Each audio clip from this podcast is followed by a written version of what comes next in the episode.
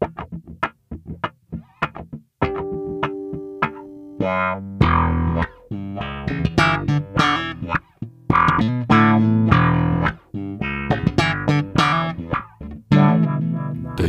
in Belgium.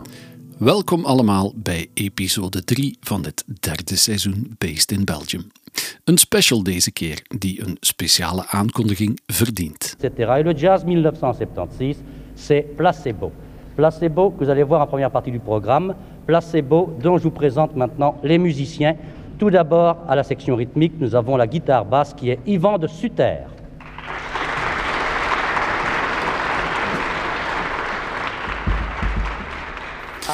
Batterie, de Suter, zoals hij hier op de RTBF in 1976 op de bas wordt aangekondigd, heet eigenlijk Ivan de Souter en is een geboren kokzijdenaar die op dat moment 27 jaar jong is en al enkele jaren in Brussel leeft, omdat hij daar aan de lopende band studiosessies doet voor uiteenlopende artiesten.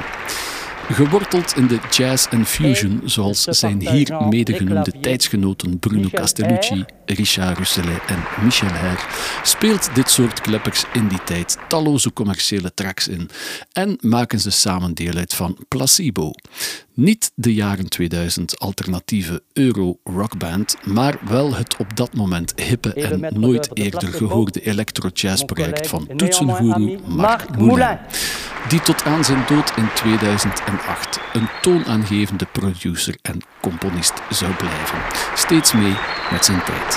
Bon amusement à l'écoute de Placebo. Merci.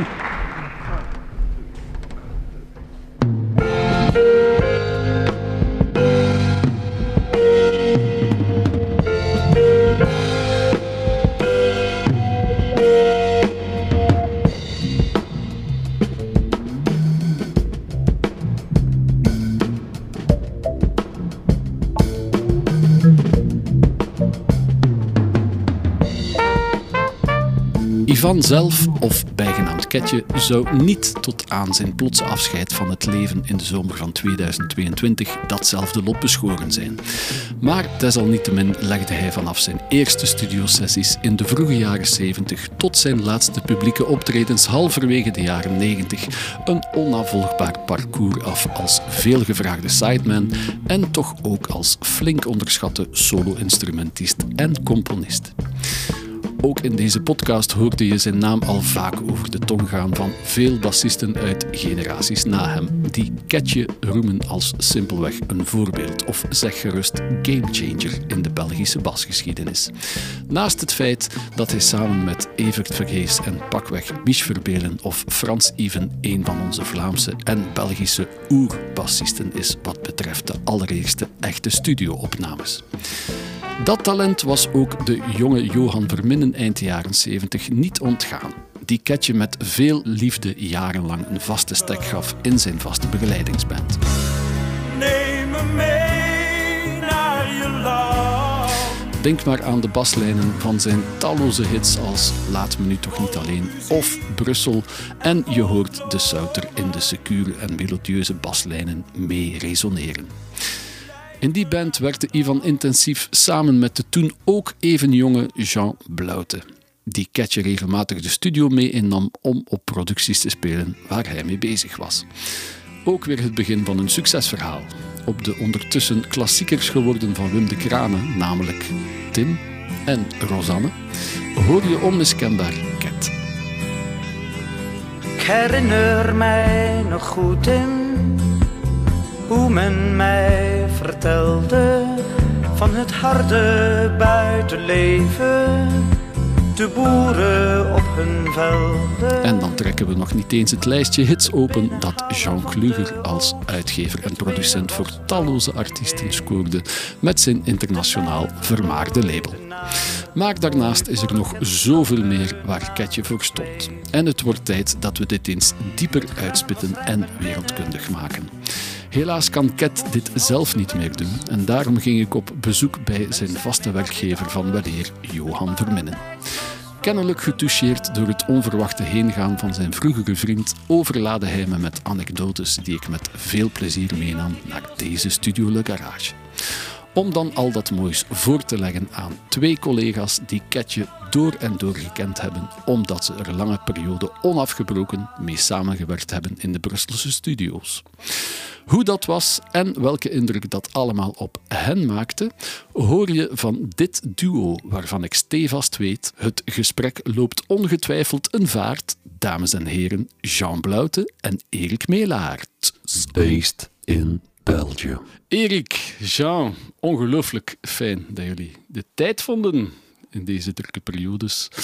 Eh, om jullie vriend van vroeger, mag ik toch wel stellen, eh, alle egaars te komen toewerpen en alle, alle eer te bewijzen. Voor mensen die nog nooit van Ketje gehoord hebben, eh, hoe, hoe zouden jullie hem omschrijven in een paar zinnen? Ik denk daar, ik denk in de eerste plaats aan eh, de muzikant Ketje. Want wij zeiden Ketje, dat is Vlaams. Dat is eigenlijk bij, in de groep van Johan begonnen, van Jan van Midden, begin de jaren 70. Maar eigenlijk zijn echte bijnaam was eh Leket, eh, omdat hij dat jonge baasje was, eh, eind jaren 60, dat bij de JJ Band kwam spelen. En dat waren allemaal Franstalige Brusselaars. Ja, ja.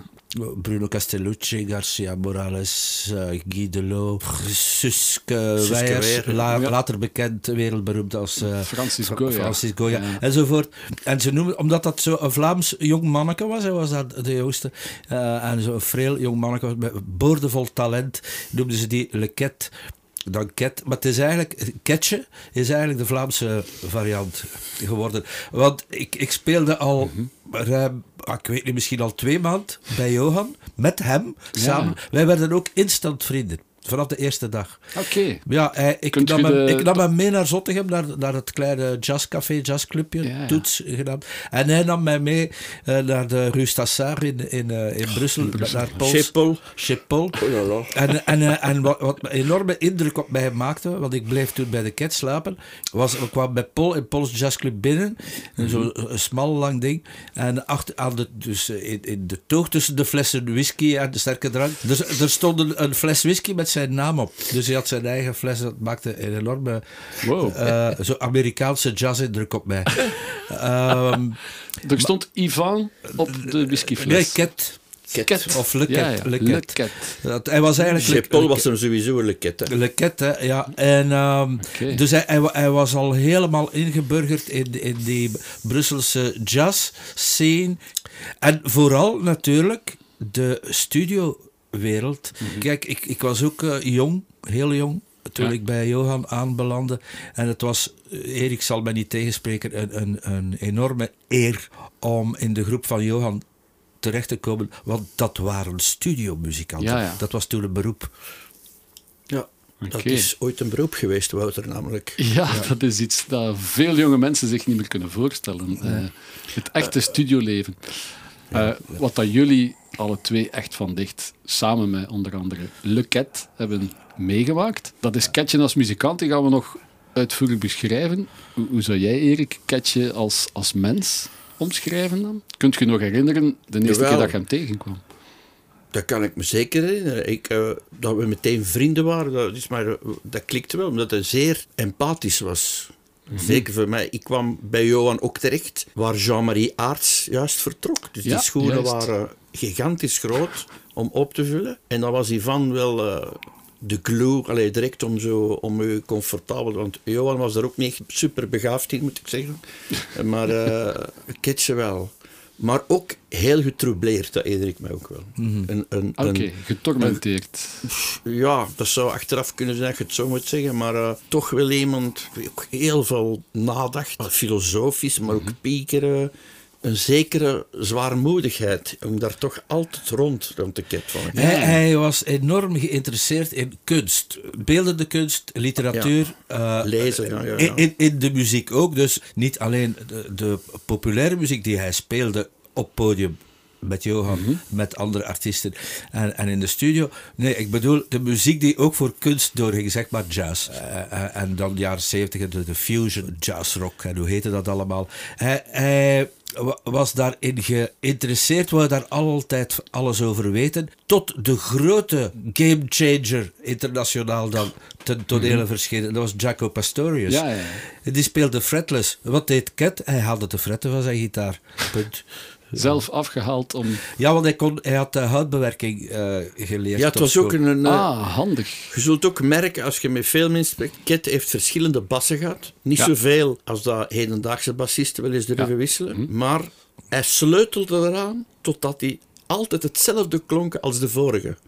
Oké. Dat Dus een, dat een is heel de, andere de bas. Fenderbas, die denk ik nu bij Jasper Houtekiet is. Ja, dat Ket. klopt. Heeft hij hier ook verteld. Zijn Gibson Ja. of zijn Steinberg, Ja. Die klonken uiteindelijk hetzelfde. Want dit had dat geluid in zijn hoofd. En Ja, ja. dus dat speelde eigenlijk geen rol. Ja, weet je, dat is een toffe bas. Maar dan ging hem daaraan sleutelen totdat hij eigenlijk terugklonk zoals die vorige. Want ik herinner me dus- dat ik stil van. Ik ben die mooie Gibson-bas nog samen met hem gaan kopen bij de toenmalige Ja, importeur ja, ja, ja, in ja. Brussel bij eh, Percy, de mooiste muziekwinkel. Madame Percy, ja. Bij- ja, monsieur, Ja. Want monsieur Percy zat in het atelier uh, bombardons te repareren. Maar ik kwam daar al van als Aha. ik heel klein was. Echt met mijn vader, hè, muziekwinkel. ja. Dus ze kenden mij. Eh, eh, ja, ik, ik was dan al voor aan de twintig en dan waren ze altijd blij van mij nog eens terug te zien. En ik kwam met, met Ketje eh, binnen, want mijn vader had al gebeld. Kijk, mijn Zo'n zoon... Ripper, Ripper bass? Ripper? Zijn fretless was een ripper van Gibson. Ja, Ja, zwart, hè. ja een zwart. En, ja. eh, dus hij wist dat hij daar stond. En mijn vader had eerst gebeld naar, naar eh. Madame Percy. Eh, mijn zoon zal langskomen met een vriend. Dus eh, geeft die bas mee en gefactureerd dat aan mij. hè, Ah ja, aan, mijn, van zijn- aan mijn vader. En dan kreeg hij dat eigenlijk aan de Inkoop, ja, inkoopprijs. Dus dat, ja, diezelfde dag gold dat dan ook voor mijn prachtige Les Paul. Oké, cool. En, eh, maar hoe, hoe kwam dat toch dat Ket dat ineens kon kopen? Want hij, hij verdiende wel goed als, als eh, Ja. studiomuzikant en live. Maar, maar het, het, het, het geld was niet echt belangrijk. Dus het, het, eh, het vloog recht naar... De, Van alles. Naar van alles. naar, naar, naar de Gustav Naar- Naar, naar Pols Jazz Club onder andere. Ja. Eh, Naar maar- de fles whisky en zo. maar, maar je had een lotje van de loterij gekocht. En hij, hij won 200.000 of 250.000 frank. Ja. Ja, maar ja. Dus het eerste wat hij bestelde was een auto. Een blauwe Toyota. En die, die basgitaar ging je daarop mee kopen. Die, die auto die had hij dan al gekocht. En wij reden samen door Brussel naar Percy. We parkeren in de Rue du Midi, vlak aan Euromuziek. Maar we gingen eigenlijk naar een andere winkel. En, want hij was eh, naar de lotto gegaan, naar de Nationale, na- Nationale Loterij, om dat geld op te halen. In cash, in een envelop. zat 250.000 In frank. cash. In cash. Want het was gigantisch veel geld op dat moment. Het was enorm veel geld. Ja, dat was toch voor Qatar, hè? Ja, dat was in, in coupures van 20 Ja, frank. ja, ja. En, eh, en die, die envelop lag op, op, Op touchboard. op- ja, auto. En wij gingen die, die basgitaar halen bij Percy, maar we moesten die niet betalen, want dat werd gefactureerd aan mijn vader. Ja, ja. En wij kwamen terug. En ik zei, kom, laten we even binnen gaan bij Jos en André, bij Euromuziek, Ja, ja. bij Jos Bokken. En Ja. Gewoon gewoon een dag gaan zeggen. Want we, die wisten dan wel dat wij daar gingen onze Gibson halen. Hè. Ah, en daar werd er eentje op gedronken. Dus we kregen in een andere muziekwinkel een glas champagne, omdat we bij Percy een gitaar waren gaan halen. Ja. Dat Maar was de naast- stijl van Euromuziek. Ja, dat was toen zo, hè. En naast, daarna, naast de, de winkel van, van Euromuziek was de café. Ja, croque-monsieurs en pintjes. Ja, en daar gingen we dan toch ook even binnen. En daar dronken we het een achter het ander. En eh, allee, dan was het tijd om een beetje verder te rijden, zeker. En we kwamen naar die auto, hè. En die, die deuren waren niet op slot. En die twee vensters, het was redelijk, die stonden half open. En die envelop lag daar nog. Kun je je dat voorstellen? Nee, dat kan ik nu niet meer voorstellen. ja. Zo is hij aan zijn zwarte Gibson Ja. geraakt. En dat verhaal is mij volledig bevestigd geweest door Johan Verminnen, Kijk. bij wie ik mijn research gaan doen ben, om mij een beetje in te wekken. Dus ik zal het even laten horen om te bewijzen, kijk, dat, Ah, dat is super. de heer Jean Bluiten hier absoluut geen leugens vertelt. Ah ja, dat is super. Dat hij dat ook nog wist. Ik liep met Ket op een straat aan het Zuidstation samen met zijn toenmalige vriendin Dominique. En het ging slecht financieel met Ket. En we komen voorbij een postgebouw waarop een reclame stond van de Loterie Nationale. Nationale Loterij. En Ket zei tegen mij: Ik ga nu een lot kopen, want ik heb het nodig. En hij kocht een lot en won echt met dat lot Effectief. 300.000 Belgische frank. Kocht zich een Toyota stationwagen en een Gibson Ja, blauwe. Toyota. Het verhaal waarschijnlijk dat Jean zal vertellen is dat hij met Kit op die stoep liep, maar dat is niet waar. Maar Nee, wat er is aan het verhaal van Jean is dat ze samen die Gibson Fretless zijn gaan kopen. Dat weet ik. Ah, oké. Dat is geweldig dat Johan zich eh, die details herinnert. Het klopt dus helemaal. Op die stoep liep ik niet met Ket toen hij Ja. dat biljet kocht, maar wel toen hij het geld is gedaan. Dus het, klopt van alle twee kanten. Ja, ja. Maar het typeert hem ook wel, hè? Hij leefde elke dag met het... Ja. Hij keek niet verder dan de En, dag. go- goedgelovig, hè? Hij, wa- hij, was, Ja. hij was te goed voor deze wereld. En d- dat is eigenlijk ook een beetje zijn ondergang geworden. En in Ja. niet al te goede compagnie. Hè. Moet niet vergeten dat Mhm. eh, hij was beïnvloedbaar. Ja, goed gelovig zegt zo. Eh, hij was een denker, hij was les jeux de mots. Hij was een hele grappige. Hè, maar, bedoel, als je in november een nummer maakt, dat heet La Crise en Thème, Ja. Dan heb je wel even nagedacht. verstaan? Ja, Dus, ja. eh, Hij was van de, van de, de taalmopjes, eigenlijk. Ja, ook, maar, Ja. maar ja, en dan eh, een denker, hè, en dan, maar zo gelijk Morgan Studios, Ja. dat was de wereld van het poeder en van de slechte dingen, hè. Ja. Ja. Dat was namelijk, ja, je moest een beetje American zijn, hè. Dus je, Dat is als je dat- goed werkt. En, en ik herinner me ook de Morgan, want ik ben ook heel, heel jong in de Morgan terechtgekomen. En Ja. toen was ik gelukkig uh, iets slimmer nog. Later ben ik dan heel dom geworden, maar eh, toen ook niet. en dan zag je, dat was een beetje een, een invasieve sfeer, hè. Van, Ja, ja. drink maar, pak, pak maar eten. En, Want de dat Morgan Studios waren eigenlijk van een Engels label, een nee, afdeling geen in label, Brussel. hè. Nee, nee. Nee, van RKM, maar van Roland Kluger eigenlijk. Ah, van Roland hij, had ja. daarin geïnvesteerd. Er was eigenlijk een Engels eh, studio waar, waar eh, oh, iedereen opgenomen, zelfs Paul McCartney. Mhm. De Klugers. Eh, ah, Jean zat ernaast, zijn bureau zat ernaast. Ja, ja maar ja. De, Klugers zijn begonnen met in Londen op te nemen. En daar zijn ze, ah, is vooral Roland Kluger Tot, de, tot de gesprekken gekomen met Barry Morgan. Dat is een fantastische drummer. Maar ook eigenaar van die Londense studio. Zouden we geen, pak maar een, een afdeling in Brussel mhm. opbouwen? Dat is een, een samenwerking geworden. Dus het is nooit 100% Kluger geweest. Misschien later wel toen het RKM studio is geworden. In die bar in iedereen bijeen, hè? Ja, voor of na. Maar net als Erik ben ik nu ook nooit eh, in de val getrapt van de witte eh, poeders. Ja, ja. Eh, maar voor... Ehm, Ons kleren waren ook altijd een beetje vuil.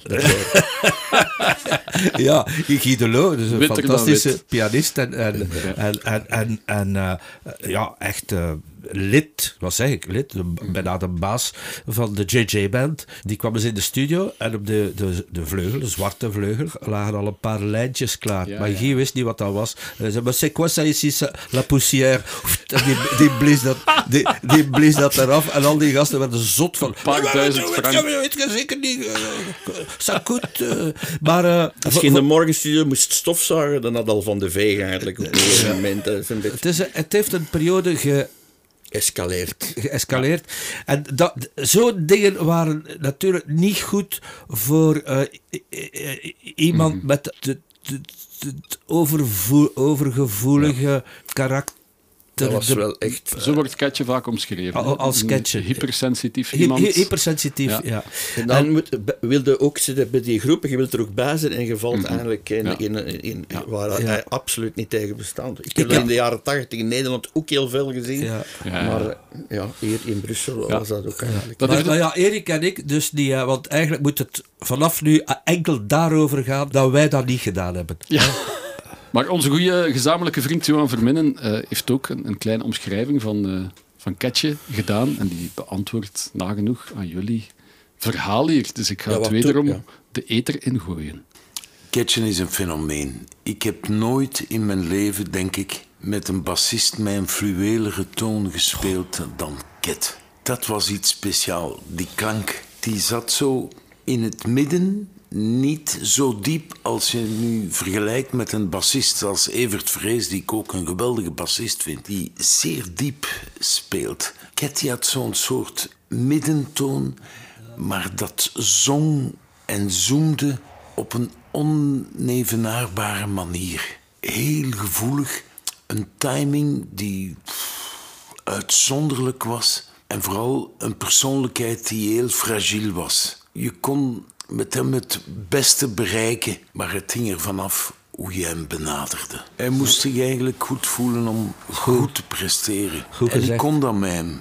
Hij had ook een enorme bewondering voor, voor mensen die op hun manier uitzonderlijk waren. Ik, ik bedoel dan, het is niet voor niets dat Marc Moulin bijna al uitsluitend met Ivan de Souter heeft opgenomen in al de projecten die hij gedaan heeft. Ook voor Koen de Bruyne, waarmee ik in der tijd speelde.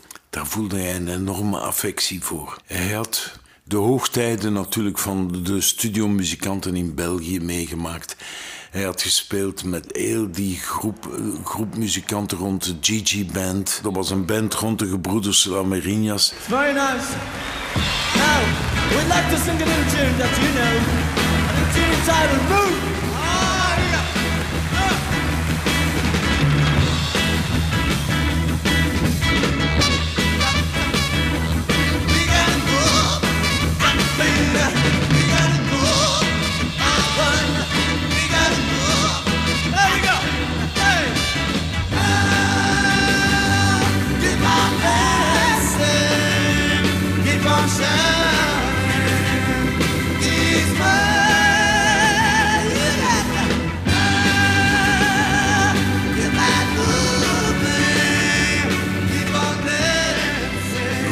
Hè, om dat maar te zeggen. Nu, een van die gebroeders Lamerinas speelde bas, hè, maar ze hadden toch een begeleidingsorkest met, waar Ivans vaak in meespeelde. De, de JJ-band was eigenlijk al een afscheuring. Hè? Ja. Dat was de groep die net daarvoor nog vastspeelde met eh, Jazz and James, Mhm. de gebroeders Laberinias. Maar ze zijn zich de JJ-band gaan noemen Ja. toen ze eigenlijk eh, een, groep op zich werden. Maar Een de beetje- move, een- een move is nog Jazz and James. ja, ja, ja, ja, absoluut. Wat we nu horen met Jazz and James, met al die gasten, dus ook met Cat. Ehm, Maar de JJ-band zelf, dat was een beetje de navolging wat in Amerika zich voordeed aan de Stax Records, de Barkeys. Ja, voilà. Instrumentale soulmuziek. Ja. Pwap, do, da, da, pwap, pwap. Maar het is Maar wat, ongelooflijk. Jo- wat Johan zegt over die fluwelen toon, dat is helemaal waar. En hij heeft ook het woord, hij zong. Ja. En ik, ik vind, wij, eh, Erik en ik zijn, eh, ja, ik denk de voorzitters van de Philippe Catherine fanclub Vla- eh, Vlaanderen. En Ketje speelde bas zoals Philippe gitaar speelt. Wauw. Dat is niet spelen, dat is zingen. Dat is toon maken, dat is met een mooie positie, handpositie. Dat is met een constante, permanente verliefdheid op iedere noot die er gezongen wordt. Ja, ja. Op dat instrument.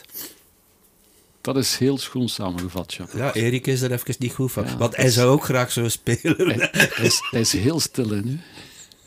Nee, ik ben blij dat, dat, dat Jean eindelijk eens iets formuleert eh, op de manier dat hij het wou. Eigenlijk, dat is Ja, toch ja, ja. Zeer, zeer niet gebruikelijk. En binnen het half uur. Ja, ja. Ketje is, de- het, je moet- dat, dat is een beetje vergeten eh, ambacht. Dat is als je een la-akkoord hebt, dat je daar een la op speelt in Ja. de bas. Allee, jij weet heel goed wat ik bedoel. Dat is, Bij sommigen is dat bijna taboe. Dat is zo van, je gaat toch geen grondnoot spelen? Ket kon die grondnoot zo speciaal maken dat je daar eigenlijk nog niet eens over nadacht. Dat het ja, steunen en... Want dat was geen groot solistisch, dat, dat, was niet zijn grote bevlieging. hè. Dat, dat was echt bas, basis. Ja, zorgen voor, dat, Draven. voor dat laag front. Ja, hè. ja. Op Here Comes the Crazy Man van Koen de Bruin. Dat, is, dat is een topplaat, is dat. Ja,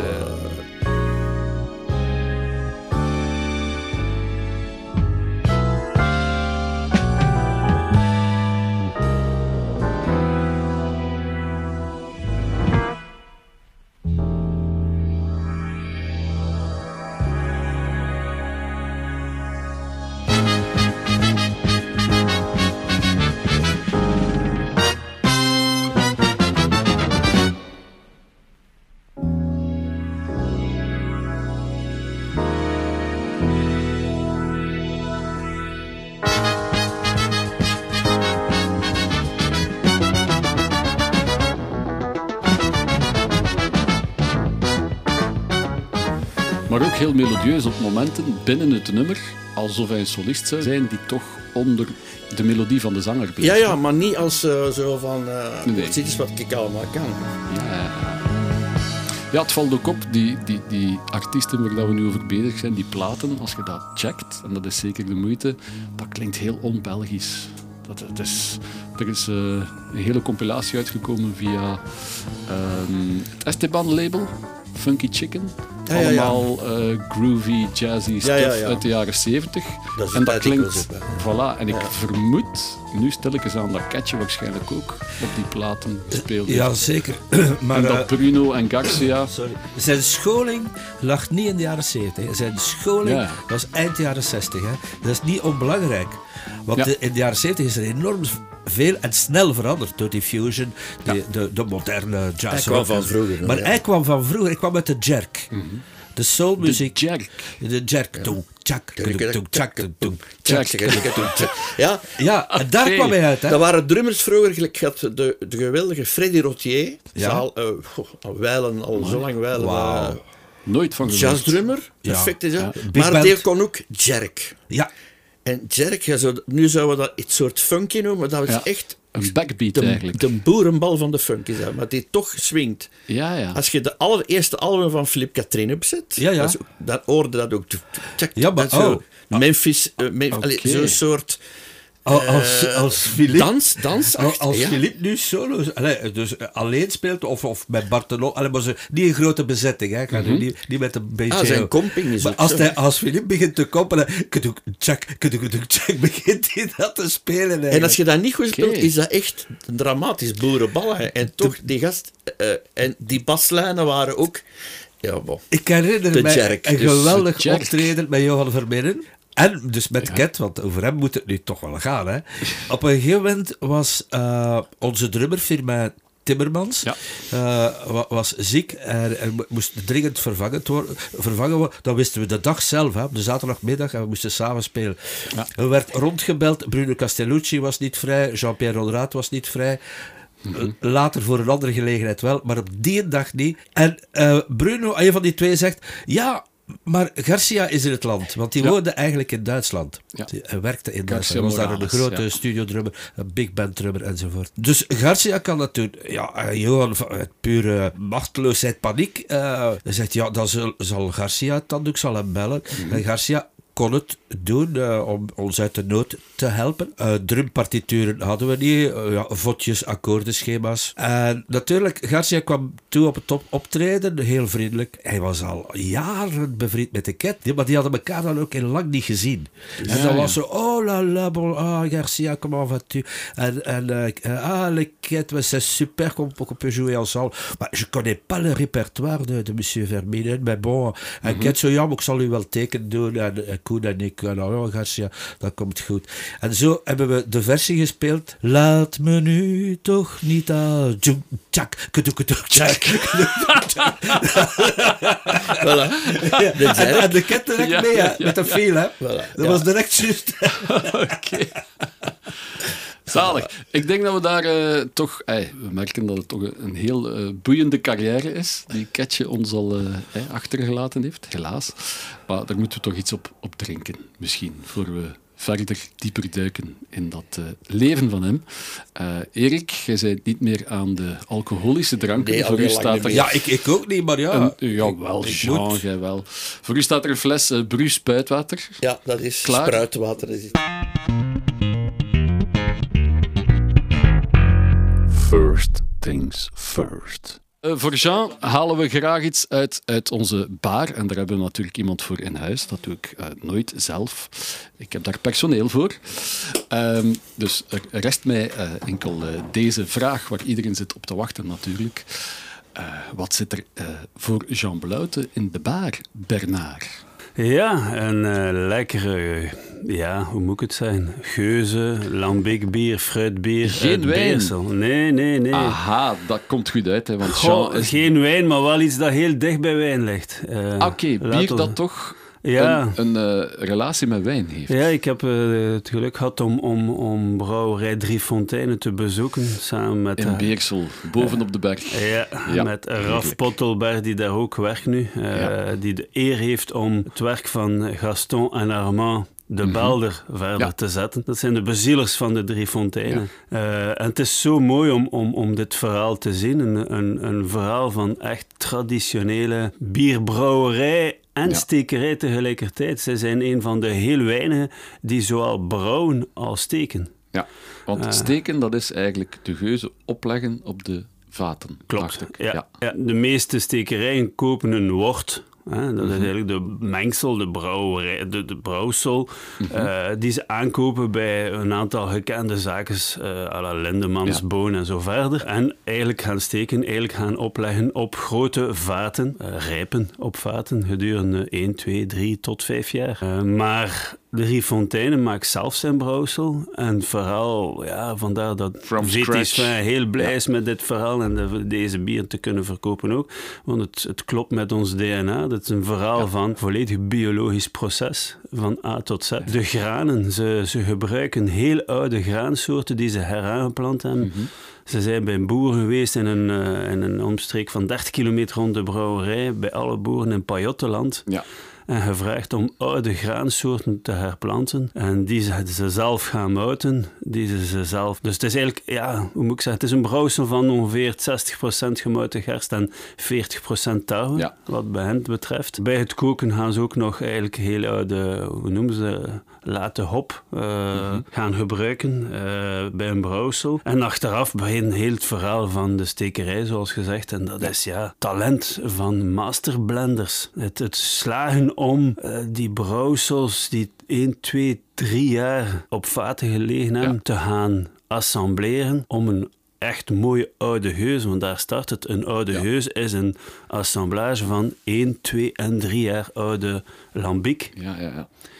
Want dat is een smaak die Jean Bluit eh, wel heel goed kent. Sinds zijn tournee generaal met Ray Cokes heeft ook de Tour de Geuze daarin geïntegreerd. Ja. Dus de, moeten we dan een traditionele lambiek of geuze verwachten? Daar. Eh, De team die nu uh, Armand de Bel erop gevolgd heeft, ze gaan uh, de bieren gaan laten rijpen op allerlei soorten vaten, in alle soorten vormen, alle soorten ah, afkomsten. Er wordt geëxperimenteerd met nieuwe smaken. Ja, indrukwekkend. Ze hebben net Pommeau-vaten gekocht, ze hebben cognac-vaten, whisky-vaten ja. gekocht en ze zijn aan het experimenteren. En ik heb een oude heus die ondertussen al vijf jaar op fles zit en mogen proeven mm -hmm. met die typische sherry-smaak. Dat was, dat was ja. indrukwekkend.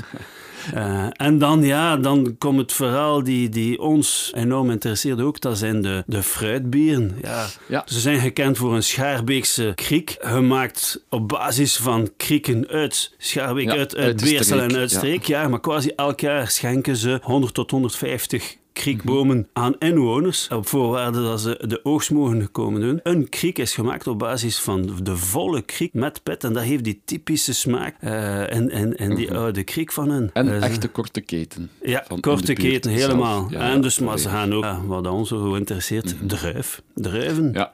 Dus hier zitten we met een druifbier, ja. deze fles. Daar staat de traditionele drie van de drie fonteinen op. Wat is er zo speciaal aan? Dus ze gaan eigenlijk in een vat gaan ze zoveel kilo krieken en een evenwaardig aantal liters ja. of kilo's uh, uh, lambiek aan toevoegen. Die ze gaan laten rijpen. -hmm. Zes maanden, twaalf maanden zelf meestal. En dus dit kan ook voor andere fruit. Het geval hebben we hier te maken met Speetburgunder, afkomstig uit Duitsland. Ja, dat is het equivalent voor de Pinot Noir. Ja, klopt. Ja. Ja. ja. Twee mogelijkheden. Ofwel gaan ze most gebruiken, ofwel gaan ze gewoon letterlijk de, de net geplukte druiven in de vaten steken. Daarbovenop gieten ze lambiek. En dan gaan ze dan nog ongeveer zes maanden tot een jaar laten rijpen. En het, het mooie verhaal is dat wij binnenkort ook onze eigen wijnbouwers, we gaan druiven uh, plukken en die ja, druiven uh, met koeltransport naar Triefonteinen laten brengen om te gaan laten rijpen op twee jaar uh, oude lambiek. Wow. Die dan een binnen een jaar of, ja, ja, binnen een jaar of twee gaan op de markt gaan ja. komen. Maar, maar in deze fles zit dus, uh, ja, en moeten we dus een deel Pinot Noir kunnen gaan onderscheiden? Of geeft dat een heel andere smaak af dan de Pinot Noir wijn in combinatie met die lambiek? Wat mogen we Het gaat een bepaalde herkenning hebben. Om echt die druiven te gaan herkennen, mm -hmm. altijd die basis van twee jaar oude lambiek met die heel mooie typische smaken van een beetje marsepein, van een beetje ja. pain d'épices. Ja, ja, die, die, die, een beetje de aardse, die, die, die, die zuren die steeds aanwezig zijn. En dan in één keer komt daar een bepaalde fruitcomponent naar Dus vooral in die nasmaak ga je die, die druiven herkennen. Eh, bij die speetbourgogne zit een beetje op, dat, op die rode bessen, dat snoepachtig eh, effectief die, die, die terugkomt. Daar is die gelijkenis met wijnen. Die zuren zijn er, die ervoor zorgen dat eigenlijk het fruitcomponent heel lang kan blijven. En die zuren gaan zich een beetje verzachten en dan wordt het heel, ja, heel fluweel in, in de mond. Je hebt steeds die aroma's, die smaken van, van pain d'épices, amandel, marsepein, maar dan in één keer komen toch die tertiaire aroma's. Van sous-bois, van champignon, van, van truffel, van... Ja, als ze zo tien jaar oud zijn, ja, dat, dat- Dus beeld u in als je daar nog een keer een, een extra component bij krijgt van een Ja. of van, wie weet, een grenache naar de toekomst of noem maar op, ja. Ja, verkocht. Boeiend. We zien dit zitten, we zien dit volledig zitten. En ik denk dat ja, Jean nu ook als een, als een soort schoothondje met de, de handjes omhoog al klaar zit.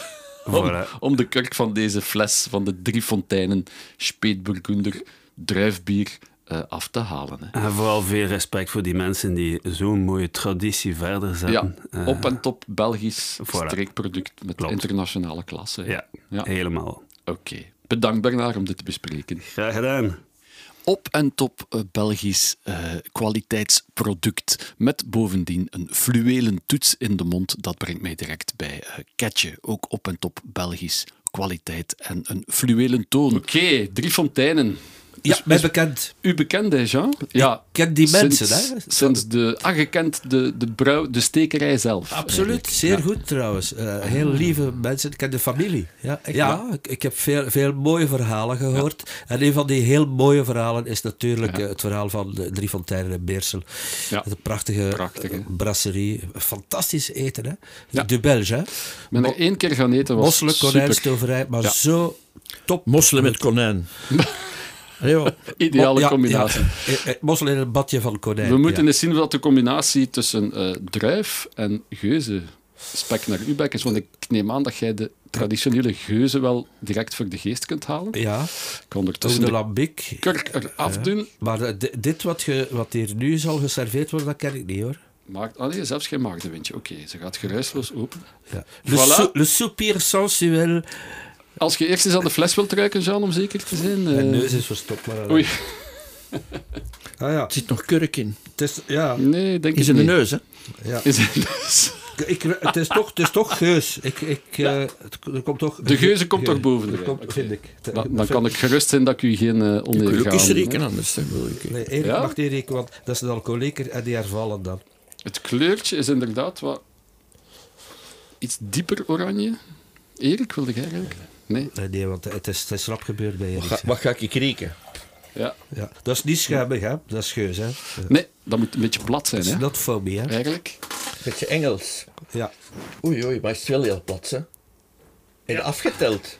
Ja, het lijkt een twee, beetje drie. op, op, eh, Ray op vertelde, fruitsap, hè? Ray, Ray vertelde mij dat hij... Ja, dat is ook al meer dan tien jaar geleden. Als hij naar Londen gaat, gaat hij met, met zijn schoonbroer dan in een pub altijd. Ja, dezelfde, ik wel. Zo op, op een beetje randstad van Mhm. Londen. En Ray was bezig met met die opnames van Tournee Generaal. Dus hij, hij begon er iets van te weten, want hij wist eigenlijk normaal niets over bier. Wel alles over wijn. En... eh, He orders een Belgian beer. In in die pub waar ze regelmatig Mhm. gaan. Allee. En, eh, en ze, ze hadden een Belgian beer, Stella, waarschijnlijk. eh. Maar die schonken dat. Traag. eh, eh, Ja, dat, dat, Dat er, er bijna geen- geen ja, schuim meer op stond. Ja, ja. En, Zoals de Guinness en de, de ja, lager. eh. dat niet anders, hè. En, en Ray zei, heel beleefd, ja, maar als je Belgisch bier hè, eh, eh, een lager, hè, een pils, moet, hè. dan, dan moet daar een, een, eh, duim zo, de schuim. En die, de cafébaas zei, ja, ik weet het. Ik heb dat hier al geprobeerd, want die van de brouwerij had dat gezegd. Maar dan krijg ik de opmerking van de klanten, na, I didn't order foam, I ordered beer. Verloren bier. Wel, Zegt Eh, we op de ket. Bier en Voilà. geen schuim, voilà. Op dit? Ivan de Suiter, Ja. Ketje, Ja. Le Ket. De neus Eh, is, is al zeer goed, hè? De neus in de geus is goed. Ja. Ja. Het zurige komt direct naar boven. Hè. Ik heb een kleine scherpe afdronk van de breuken. Goed koolzuur. Hm. Dat is eh, very refreshing. deze Ja, hè, fris hè. Pas op, hè, want dat Hoe- Hoeveel alcoholgehalte? procent? Even veel. kijken. eh, b- b- b- 7,9 toch? Dat is veel, hè? Dat is meer dan de gewone geus. Ah ja, want Ja. de echte, echte, echte artisanale geus is zelfs maar vier. Ja. Vier, vier en half. Maar ze maken die nu meestal een beetje meer zes voor de commercie. Geeft meer smaak ook af. Hè? is. Eh, ja, maar vooral voor de klanten. Heb je misschien een 0 graden spuitwater, alsjeblieft? Maar de- dat, dat gradengedoe, dat, dat klopt natuurlijk niet. Je moet hè, ja. Maar eh, zelfs de brouwers eh, bij rondleidingen hè, in de brouwerij, of de brouwmeesters of, of, of de PR, die zeggen ook tegen de mensen zo, die met bussen toekomen, dan Ja, ja. gebruiken het woord graden, omdat ze anders te veel moeten uitleggen. En het is zoveel alcohol per procent per eenheid ja, ja, ja. eh, graden. Maar dat heeft niets met graden te maken. Maar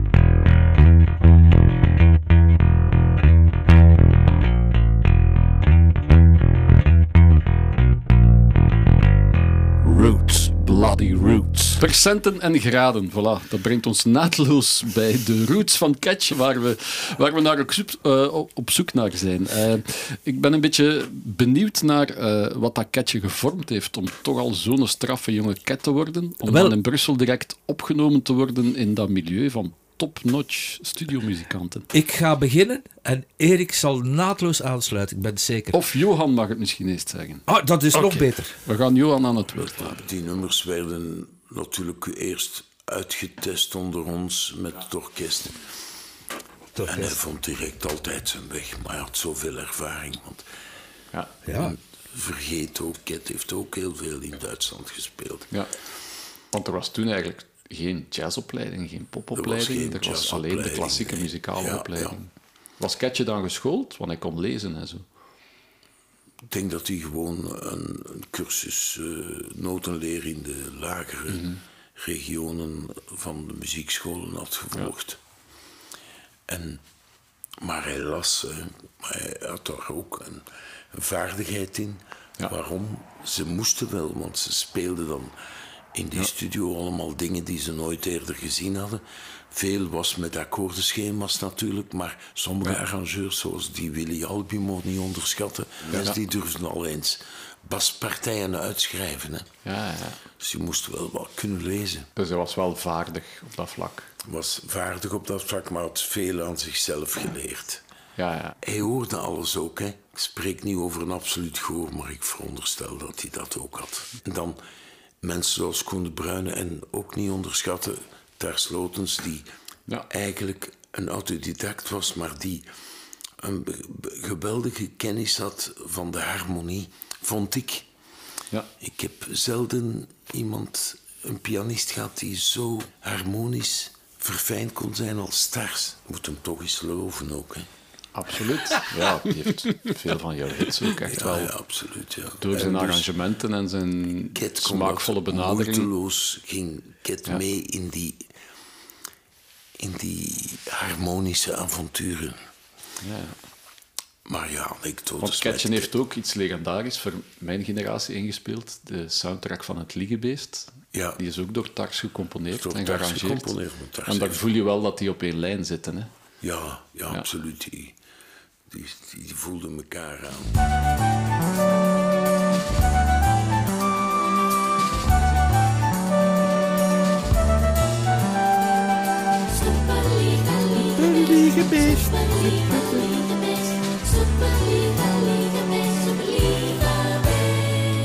Niemand die weet dat ik hier ben.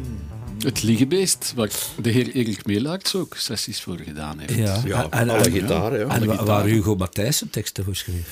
Deed Hugo daar al teksten voor? Ja. Ik, ik sluit me volledig aan bij Johan. Allee, onvolledig moet ik zeggen. Ik sluit mij onvolledig, Ja, onvolledig aan. onvolledig Betreffend aan welk bij, bij de heer Vermeeren. Wat, wat betreft eh eh, Ketje zijn, zijn eh, leesvaardigheid en hoe hij het heeft geleerd en zo. Want toen bestond er inderdaad geen eh, jazzschool of afdeling aan de conservatoria, academisch enzovoort. Je, je moest het zelf leren of een leraar hebben. En Ketje heeft wel leraars gehad. Hè. Dat waren, dat, wel, ja, dat, dat waren die, die eerste gasten eh, van de JJ-band waar hij mee speelde, die wel onderlegd waren. Z- zeker de Guy Delot, zo zot als een achterdeur, maar wel een topmuzikant. Ja, Een toetsenist. Die, ja, toetsenist. Die was zot, maar wel begaafd. Die heeft heel veel arrangementen geschreven. Violen, blazers, Born to be Alive, ik- noem er zo maar eentje. Ah. Ralf Benatar, niet? Ralf Benatar. Eh, de gitaristen ook, zo, Sus Weijers en zo, die konden allemaal lezen en, schrijven, en noten schrijven bedoel ik. Slusny. Eh, John, Jean-Marie Slusny, zoon van Naum Slusny, de een grote eh, Beethoven-vertolker op de piano, echt waar. Dus da, da- daar is een ket. Eh, onderschat ook de drummers niet, hè. die konden allemaal eh, Ja, ja. lezen. Hè. Ja. Dus al die- want de drumpartijen, alles werd toen zoveel mogelijk uitgeschreven voor de sessies. Niet iedere noot altijd, maar toch zoveel mogelijk, omdat sessies Mhm. snel moesten gaan. Eh, De studio was duur enzovoort. En omdat ze twee uur later naar een andere studio moesten. Dus Ja, moest, ja. moest erop staan. En zo heeft eh Ketchen de, de, basis meegekregen om dat snel te leren. En hij had Mhm. natuurlijk een, hij heeft mij dat allemaal zelf verteld. Want dat is van Ja, voor, ja, wat ja. ik nu zeg, is van voor mijn tijd met hem. Hè. Maar hij heeft mij dat zelf verteld dat hij zoveel te danken had aan het systeem. Het moest Ja. snel gaan. En aan die eh, ja, fantastische gasten, kameraden, die een tikkeltje ouder waren dan hem, Mhm. ervaren, die klassieke muziek gestudeerd hadden. Of Jean-Pierre Honoraat, die hem dan kort daarop leerde kennen, die dat conservatorium, die had zo een jaar of twee klassieke moest, per- ja, niet percussie geleerd. Ja, Mo- ja. moest niet anders. Maar die, ja, die konden dat dan wel lezen. Dat werd, Ket heeft die, die, die eh, theoretische Mhm. kennis eh, gulzig tot zich genomen via eh, die eh, jonge, jonge muzikanten die het wel konden. Ja, ja. Maar wat heeft Ketje dan specifiek daarin die markt gezet, om het zo te zeggen? Want toen was er een, een markt. Want hij was niet de beste lezer van in het begin. Maar hij moet wel iets anders gehad hebben dan Ja, de andere bestaande zegt over de bassisten wel. toon, de tonen en, Ja. en de creativiteit. Hè, want natuurlijk, ik had de goede lezen. Hè, dat waren Pino Marchese, dat waren... eh, ik had die Mechelen, Jan Hulsen, we vergeten dat Ja, allemaal. oh la la. allemaal allee, Bassist van Jeff van Uitsel, lang Ja, ja. op het einde, ja. En maar veel in Duitsland ook, Dus ook bij Max Greger. Ja, dus ja, Die ja. kennen alleen maar dat, hè. Ja, ja. Dat stond nooit bij een bassist A-mineur. Nee, het was In die periode uitgeschreven. niet. Maar dan hadden natuurlijk kon het, het verschil alleen maar maken van hoe klinkt het als ik het speel. Wat dat dan Ja. nog, nog altijd is. Hè. Ja. En dat had Ketje wel in huis. Oh, Ah ja, natuurlijk, omdat niemand anders speelde zo. Je, je zit in een periode, ik, ik, ik, kan ik zie dat ook zo, hè. ik zie Rickenbackers, Mhm. basgitaren, dat dat een specifieke sound had Menselijk Jimmy van Dorp, de mensen vergeten dat, maar dat waren, die zaten ook in de studio. Hè. Dat kon de partituur ondersteboven zetten, dat speelde geen rol. Maar die hadden allemaal een beetje een sound. Dat moest klinken gelijk de Duitsers, dat moest gelijk Kemfert klinken, maar de Ket had dat niet. Dat klonk hij kwam uit de soulmuziek. hij kwam gelijk, eigenlijk in de sax hadden Pietro Laciniola een beetje gedaan. Ja. Die hadden niks met jazz, hè. die kwamen uit R&B, uit rhythm and blues en, en die hadden een andere benadering. Ja. En dan Andere de de, ja, de, oké, de, flu, de fluwele aanpak, dat is dat dan zo was. Ook die bas zo Zijn instellen. dat dat- zachtaardigheid die mee... ja, maar toch ook wel eh, niet van niet bite. flauw, hè, niet plat. Ja. Maar dus, dus hij had toch een andere vibe in zijn speling. Dat dat ook opviel bij artiesten, gelijk Johan vertelt. Dat dan ook, hè. Kluger viel dat ook op. Tja, ja, dat is een andere emotie dat eruit kwam als hij speelde. Wat is zijn fascinatie voor het instrument dat dan door zijn vingers die klank kreeg. Ja. Ik, verwijs eh, graag naar Philippe Katrien terug. Ja. Dat Erik, to- toen wij Philippe eh, van gitaar zagen verwisselen en, eh, en er kwam net hetzelfde uit. En Erik zei, goed, nu weet ik het, het ligt niet aan de gitaar. bij, bij, bij de Cat was dat ook zo. Als die een bas vastnam, eender welke bas, dan klonk dat als de Cat. Het waren de vingers, het was de touch. Het was ook Eh, een bassist, hè. het was geen gitarist die Nee. bassist geworden, het was geen... Het was een zuiver bassist, ja. Maar het ging niet alleen om de basgitaar, de versterkers. Want Ja. dat daar een, Oké. een, een tocht, een parcours is afgelegd. Erger als gitaristen eigenlijk, hè, was ik Eigen- eigenlijk toen erger, ja. Ketje was een ampfreak dan. Ja, en, en Ja, op zoek naar die ene... En eh, op zoek en naar die wat ene. Deed hij dan ook aan customizing, zoals op zijn basgitaar? dat, weet Of- ik, dat denk ik niet. Of liet hij de kocht dat- versterkers maar, eh? Hij speelde ook niet stil, hè, Ketje. Nee. We mogen dat misschien wel eens zeggen. Daar, Johan heb ik nog niks over zeggen, maar eh, Ja, ja, ja. er was geen bas in de DI in de front. Hè. Nee, nee. Daar stond een nee, nee, Ampecht nee. Henry King met, vier, met acht speakers. Of met, eh, Ja, ja. Oké. Daar kon al eens, eh, en als ze het dan echt in had, dan riep hem. Mhm. Als hem kwaad was, heb ik dat Kit eh, in zijn pick-ups riep van zijn In zijn bas. En dan uit de bas, uit zijn versterker, kwam dan... zijn stem. Dus waar de pick-up van de bas een micro werd om in te roepen. Hè. Ja, Dus, ja, eh, ja.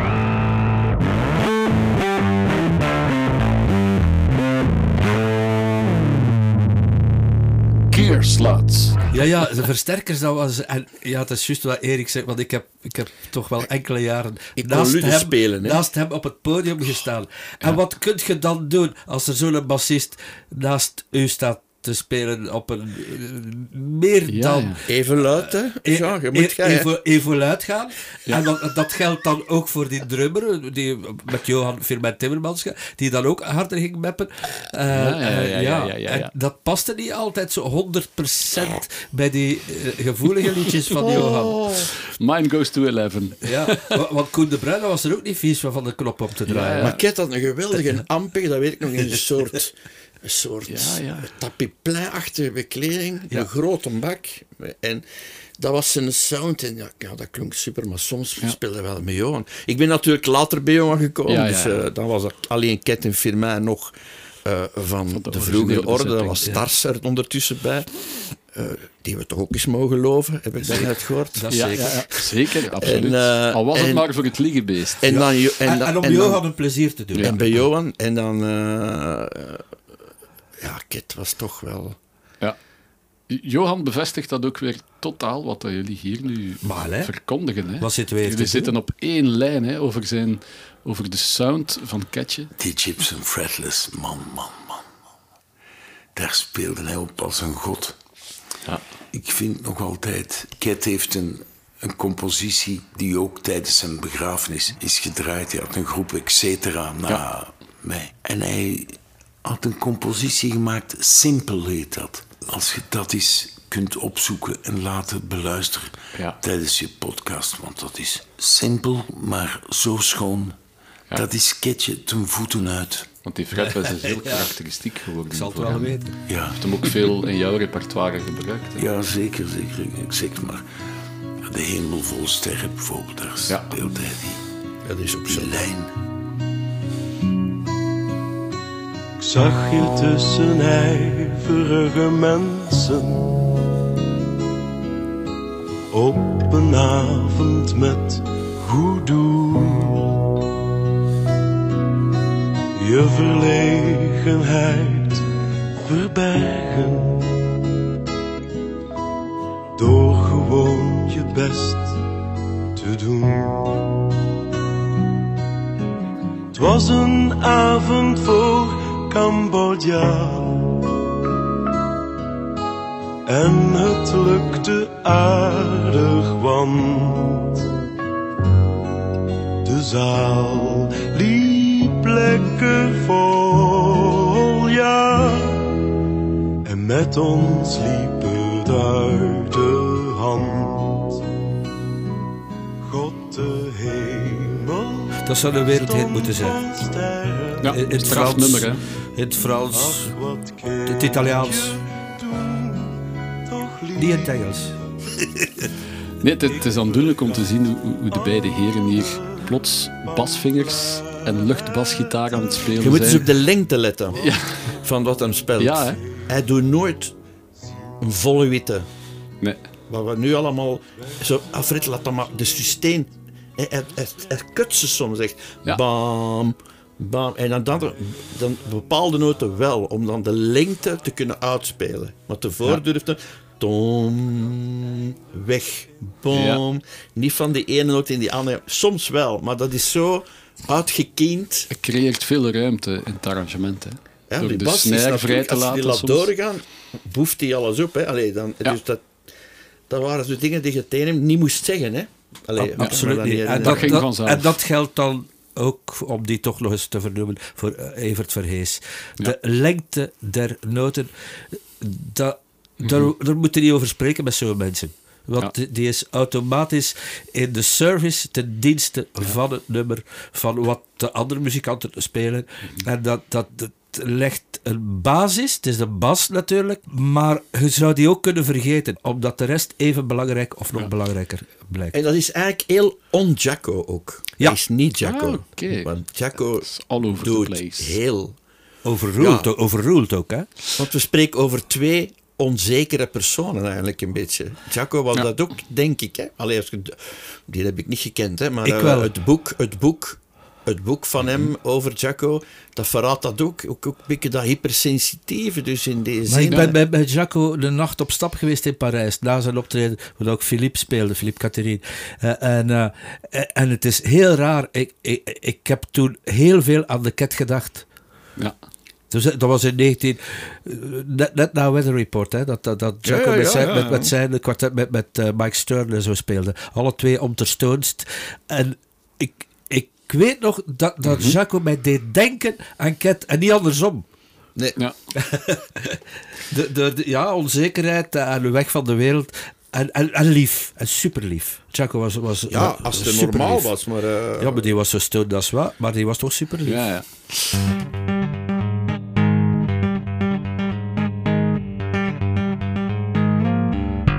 Oh my god. Er was een ontmoeting, effectief. Zelfs een logement van Jaco Pastorius Ja. bij Ketje. Daar heeft Johan al En even het- de het aanzet voor, aan de denk ik. Ah, oké. Ja. Jullie kunnen dan meer vertellen dan Johan. Ik laat even horen wat Johan daarover kwijt wil. Legendarisch is natuurlijk de anekdote dat Bruno Castelluccio wordt opgebeld door de manager van eh Jaco Pastorius. Dat komt omdat die manager van Jaco Pastorius waarschijnlijk wel wist. Hij kende Bruno door zijn begeleiding die hij vaak deed van Toets. Toets dat de bovenste plank. En, en er was een concert in België in het, de AB van het BRT Jazzorkest samen met Toets en Jaco. Ik ben daar nog aan naar kijken. En, Wauw. en dus eh, Bruno werd opgebeld door die manager. Of hij niet een gelijkgestemde ziel kende waar Jaco kon logeren. En Bruno zei, ja, maar er is maar één muzikant in België die de sound van Jaco Pastorius benadert. En dat was Ket. En dat was zo, dat op zijn Gibson fretless, dat klonk zoals Jaco. En waarom eh, stuurden ze Jaco niet naar een hotel, het duurste hotel kon, maar ja, Jaco was zo onberekenbaar dat het beter was om hem te logeren bij een gelijkgestemde ziel, een muzikant. Dus Jaco heeft een week lang bij Ket gelogeerd. Zeer Ket woonde toen in Brussel of al in Gent? Hij woonde in Brussel. Dat was een ramp voor. Ket zijn Ja. telefoonrekening. Want die Jaco die belde dus midden in de nacht op naar New York. en uren al stukken. Zo.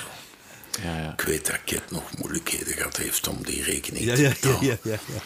Ik denk dat daar nog een regeling is getroffen achteraf door het management van Pastorius. Want Chaco heeft later ook nog bij Michel Hadjigiorgio gelogeerd. Het zou Die kunnen. ook een beetje bij hem in de leer Dat is was. toch ook een... eh, Maar ik neem aan dat dat na was dan. dat is na Ket. hè. Ja. Want als Maar dat is typisch een, een overweging die dat management maakte. Ja. Beter hem logeren bij zo'n mensen Ja, die ja. hem verstaan. Want ik denk dat dat een rare kerel was met rare kronkels, die Jaco. Absoluut. Hij was eigenlijk bipolair. Hè. Daar kwam het op neer. hè. Dat En- zou wel. Komt Ketje dan goed met hem overweg? Ket kon echt goed converseren met hem. Heeft hij er ooit iets over verteld, over zijn hij met gezegd dat hij dat prachtige dagen Ja. vond. Ja. En dat ze ook veel speelden. Hè? Ja. Dus eh, Dat, dat klopt, zo. dat had ik graag wel eens bij geweest. Deze Understatement, twee bassisten samen aan het werk te zien. Amai. Ik denk dat Jacques ook direct zal gevoeld hebben dat hij te maken had met een meer dan gemiddelde bassist. Met een uitzonderlijke bassist. Want dat was het. Ja, Ket, ik heb veel anekdotes. hè.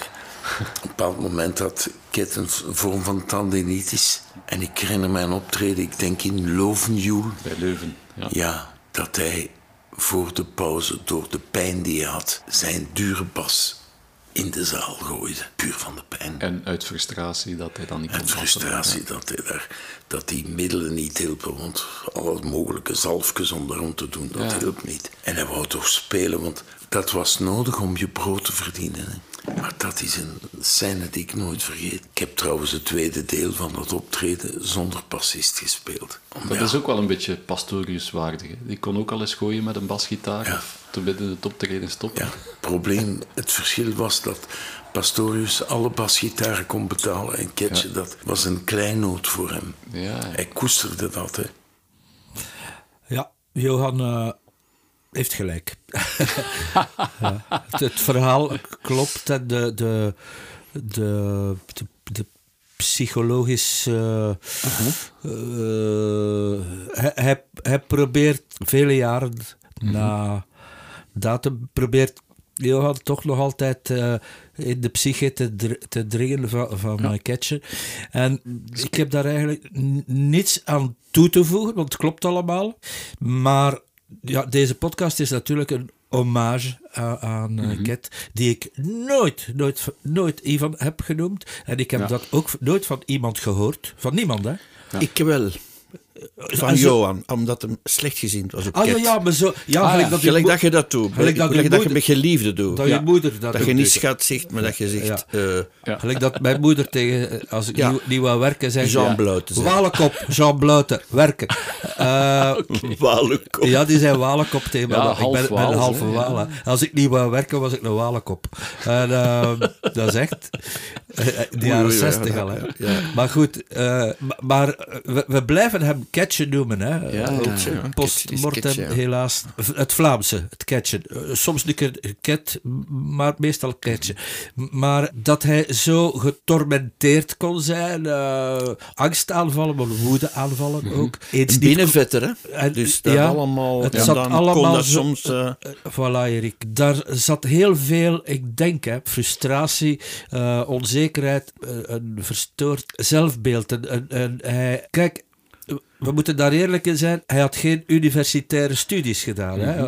Laat staan zelfs in school Latijn en Grieks gedaan. Niet dat je dan zo, zoveel slimmer of beter of intellectueler wordt, maar hij dacht dat wel. Hij heeft mij dat allemaal wel in stukken en brokken verteld. Daarom was hij ook zo, zo geïnteresseerd in kunst en literatuur en kwam hij graag in aanraking met eh, mensen als Marc Moulin, ja, die een top intellectueel was. Naast Ja, ja. het feit dat dat een, een superlieve mens en, en, en, en muzikant was. Maar hij, eh, voor de ket was dat, oh, ik, ik, nu, nu hoor ik bij de goh, hogere intellectuele kringen. Hij deed ook graag een praatje met Jan Houtenkiet, die Ja. ook niet van de straat komt. en, en ja, eh, uit Ja. de Jan Houtenkietstraat wel, in Tervuren. En, eh, maar maar ik, ik denk dat daar bij, bij de Ket in die onderlaag van hem eh, een soort minderwaardigheidsgevoel of complex zat. Dat, eh, dat hij kon overrolen door zijn magische basspel. Maar voor de rest moest hij altijd nog een beetje luisteren naar de anderen. Misschien lukte hem dat niet altijd. ik Ja, weet het ja. niet. Ik weet het niet, hè. Ik, ik, ik Ja. probeer het uit te vissen. Over die teleurgang gaan we het misschien sch- straks nog een beetje hebben, want we hebben inderdaad dan vanaf de jaren 90 eigenlijk niet zo heel veel meer van hem gehoord als bassist. Eh, ondanks zijn zeer succesvolle carrière. En wat Jean net komt te vertellen, zit daar voor iets tussen, denk ik. Eh, maar zijn ontmoeting ontmoeting met Jaco, God waarschijnlijk ook in zijn ogen. Het valt op dat hij eigenlijk niks geforceerd heeft om daarbij te geraken. Dat eigenlijk de entourage van Jaco stappen gezet heeft om te zeggen van zoek iemand gelijkaardig aan Jaco in België. Ik zal Erik een klein duwtje geven, dan zwijg ik. Ja. Oei, waarom? In, in de, ja, maar nee, je zult erop direct snappen. In de professionele muzikantenwereld zijn er verschuivingen. En de producers schuiven mee. Want de producer moet dan casting doen. Dat heb ik ge- geleerd uit een interview met Quincy Jones. Wat is producer? Die mens was die vraag zo beu.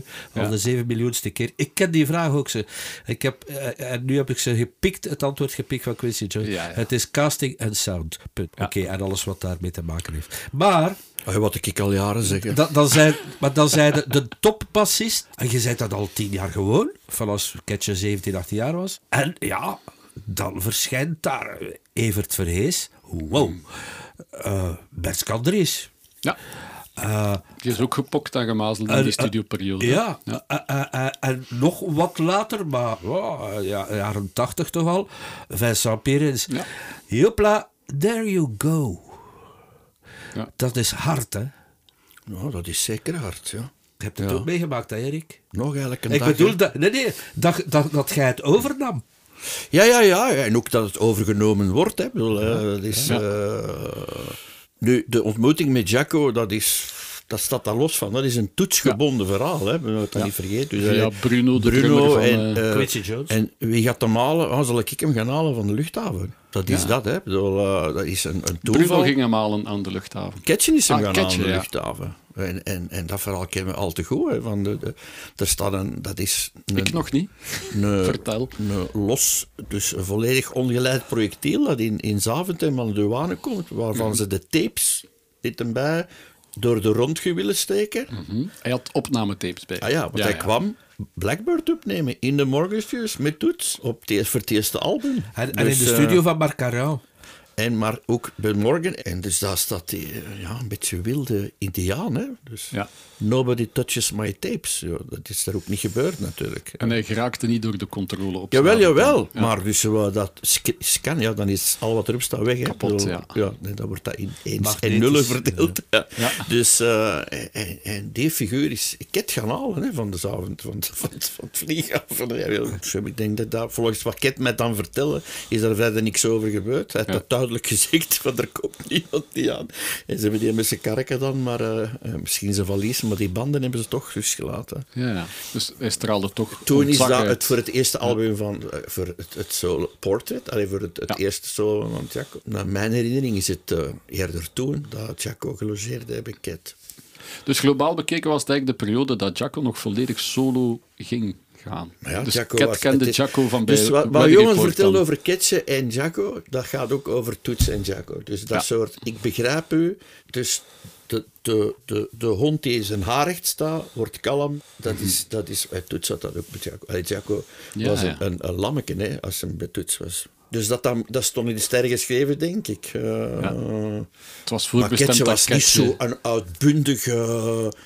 Ik, ik heb Jaco die, die bewust een dag in de AB heel goed meegemaakt, want ik speelde bij het BT Jazz Orkest, die het eerste Ja. deel deed van dat optreden. Een optreden van een groep waarvan de leider door Jaco de daags tevoren was buitengesmeten. Je moet je dat voorstellen. hè. dus er komt een groep, er komt een groep, Brian Melvin's Nightfoot. Ja, ja, en where is Melvin. Brian? I sacked him yesterday. Jaco had de leider van de groep buiten gesmeten de dag tevoren in Parijs. En het was Paco Serra die kwam. Allee, dus dat is van een. allee, dat, dat overtreft alle mogelijke bedenkingen eigenlijk. Michel Azi Giorgio heeft ook nog de bas Ja. bespeeld van Jaco daar op podium. Ja, omdat om hem de thema's niet meer speelde. om Jaco. eigenlijk in, in de plaats van Jaco Ja. te spelen op een optreden van Jaco. voor Daar de thema's. voor de beelden van op thema's. Want, YouTube, want, dan, denk ik. want dan kon Jaco Ja, op achter de YouTube vinden het prachtig, want Toets hebben ze daar ook bij gehaald. Three views. Ja. En we hadden three views samenspelen, dat is fantastisch. Met Paco Serie inderdaad. Maar bon, dus eh, nee, dat was, Ket was zo niet. Ket was eh iets ietske stiller, eh, maar is, ja, moet ik dat nu zeggen? Uiteindelijk is Ket, was hem niet meer opgewassen tegen al zijn demonen. demonen en verslaving. Nee, zo, ja, Ja. We moeten het toch een keer benoemen wie het is. eh. Ja, dat is... Ik weet alles van te veel drinken, daar weet ik echt alles van. En ik weet Ja, ook ja. dat, dat, dat je dat kunt mee stoppen. Dus dat is bij mij ook al heel lang zo. Maar bij Ivan is dat, of bij Ketje, ja. ja, dat is misgelopen. Gewoon triestig. Ja, waarvan Johan Verminnen ook op dezelfde manier getuigt. Want de Ketchen is dan eigenlijk, ja, ik denk tegen het eind van de jaren tachtig minder aan de bak gekomen als studiomuzikant. Hij begon ook persoonlijke problemen te krijgen. Dus zijn Ja. gezondheid te sukkelen. Ja, zeker. Ook mentale gezondheid een beetje eh, stond wel ja, dat is labieler. natuurlijk ook een drankprobleem dat gecombineerd met een Was dat iets dat al sluimerde in de periode dat hij bij u speelde? Of? En niemand kan zich voorstellen, tenzij Jean. Blouten en Erik Melaars binnenkort in uw studio, wat voor drankgebruik er was bij mensen die speelden, muzikanten. Dat zie ik nu niet meer. De norm lag helemaal anders dan nu waarschijnlijk. Die norm lag anders. Wij gingen spelen en we ah, bij bleven zangers. daar dan op plakken. En, en dat wij altijd veilig thuis zijn geraakt, dat is een wonder.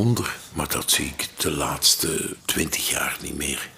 Ja, de regelgeving rond alcohol is ook Regelgeving zodanig is helemaal anders. Dan had we je ook ouder. een drugsgebruik dat toch wel welig tierde, in, zeker in Brusselse muzikantenmiddens. Ik zou de lijnen kook niet willen optellen die ik zien snuiven heb door mensen waarin ik gelukkig niet heb meegedaan. Ik heb aan het alcoholgedeelte van de verslaving heb ik wel meegedaan en me daar redelijk in staande gehouden. De Burgondier in u Ja, ja, maar heeft toch zijn deel gedaan. niets, Ja. eh, maar, maar, Maar ja, Johan komt er tegen, hè. cannabisgebruik en de andere middelen. eh Ja. En Ketje was er wel vatbaarder voor dan. Ket was daar heel vatbaar voor. Hè.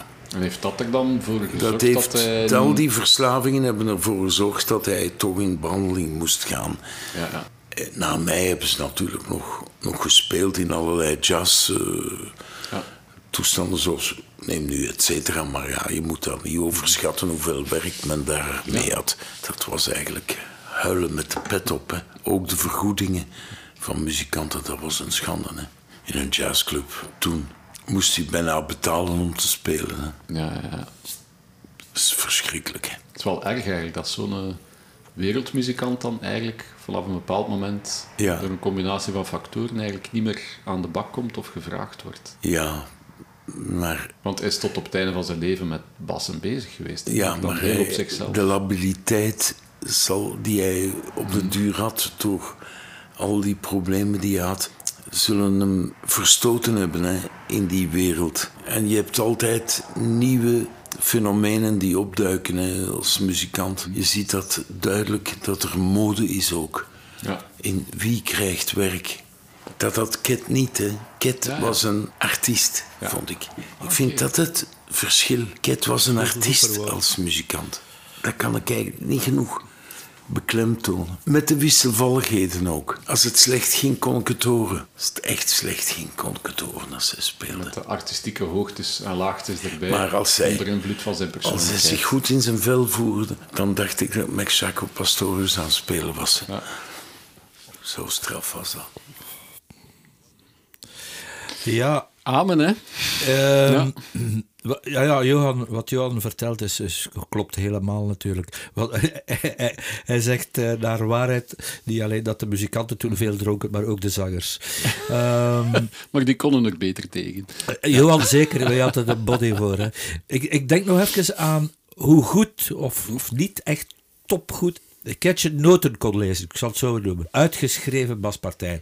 Als die uitgeschreven worden door de arrangeur, dan heeft de arrangeur daar een heel goede reden voor. Hè. Dan bedoelt hij dat het echt zo moet gespeeld worden in functie van wat nog misschien de violen of de andere instrumenten gaan doen. Anders eh, wordt dat gewoon een akkoordenschema. Nu, Ket had altijd, ook al was hij geen grote lecteur, altijd of hij met de LSP-band speelde, of bij Johan, of bij... Hij had altijd zijn akkoordenschemaatjes of zijn partituurtjes voor zijn neus. Hij kon niet zonder. Terwijl hij dat niet stond gewoon af te lezen, hoor. Als Ja. speel, hij speelde Ja, zo eh, klonk het v- zeker vrij niet, genoeg. eh, Ja, nee, nee. Maar nam het niet weg, hè? Maar nam het niet Ja. weg of Nee, hij nee, was nee. verloren. Hè? Dus ook, laat me nu toch niet alleen. Ik weet nog, dat, nee, maar alleen, dat, dat nummer hebben we toch wel een paar keer gespeeld allemaal.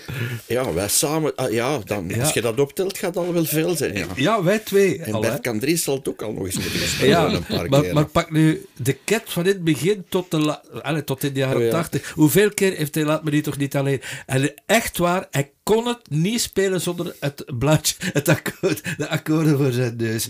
En We spreken over de metalen plooipipieter, hè? Ja, We ja, ja, spreken weer, hè? Die Ja. eigenlijk altijd, op, altijd klaar is om te vallen. ja, Ja. En, En ja, om verkeerd de, de terug loert worden achter achteraf. elke stuk. Achter elke, elk bladje dat je draait is kans op een eh, tsunami van partituren. Over, ja, dat is bij- ja, dat, hij had altijd dat zware kennis. Onafscheidelijke pupiet erbij. ja en, en Ah. die akkoordenschemaatjes. eh, En al lekker met een, een, soms een paar indicaties, een paar noten erbij en zo. Maar de, de, hij, hij geen enkel optreden heb ik hem gezien zonder een pupieterke voor zijn neus. En dus ook het nummer Laat me nu toch niet alleen. Dat, ging niet zonder. Nee, eh, jullie hadden het er zelf ook al over wat Ketje heeft meegemaakt. Heeft hem een beetje genekt tegen de jaren negentig. Eh, maar jullie hebben het ook meegemaakt, hè? de wissel van de wacht en het nog proberen binnen een bepaald eh, tijdsslot van de muzikale eeuwigheid passen. Dat is met ups en downs. Bij Ketje heeft het toch vanaf de jaren negentig een beetje voor een teleurgang gezorgd, waardoor dat hij eigenlijk niet meer op een podium kwam, behalve de LSP-band hebben jullie nog samen gedaan, Erik, denk ik. Maar omdat Ja, je, maar lang, hè, maar eh, maar- refereert naar ons. Maar eh, tussen mij en Erik staat een Ja. muur. Eh, want Erik is een echte... Nee, maar de, Erik is een echte professional. Hè? Een echte in, inzetbare muzikant, Ik gitarist. dacht dat van jou ook eigenlijk. Eh, ik ben dat geweest. Ah, Voilà. Maar ik heb Zit daar een houdbaarheidsdatum Van, maar vanaf begin de jaren 80, dus vanaf begin de jaren Ja. 70 tot begin de jaren 80 ben ik dan geweest. Van studio naar studio, sessie, sessie, sessie. Soms drie op een dag. Ik heb het allemaal gedaan. Maar eh, op een gegeven moment ben ik beginnen voelen, het gaat nu niet over mij.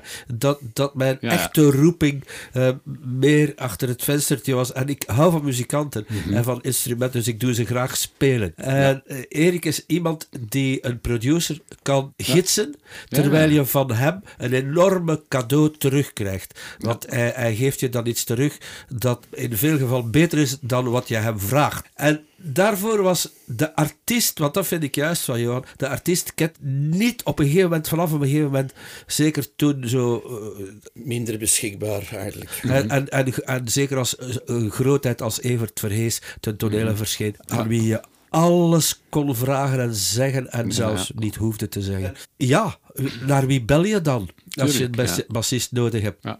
Plus ook het klank, de klank waar we verroemen, is ook nooit veranderd. Dus er komt natuurlijk een moment dat het, Ja. dat het minder gesmaakt wordt, eh, dat er andere Tuurlijk. dingen worden. Ja. Er zijn na Jacco natuurlijk nog mensen voorbij. Heel het, het, het, heel het slap gebeuren bijvoorbeeld. De geen over discussiëren waarom ja. dat, dat, of dat, dat moet of niet moet, maar het zijn dingen waar dat, Ja. Ketje zich nooit zo mee bezighouden. Bedoel, hij, hij had, hij had wel iets gevonden, iets gecreëerd.